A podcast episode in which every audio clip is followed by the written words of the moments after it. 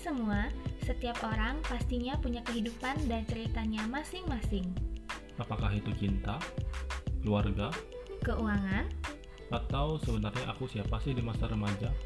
Nah, di podcast ini kita Bakalan sharing opini kita tentang kehidupan yang selama ini kita jalanin bersama Da dan Rins. You Open Minded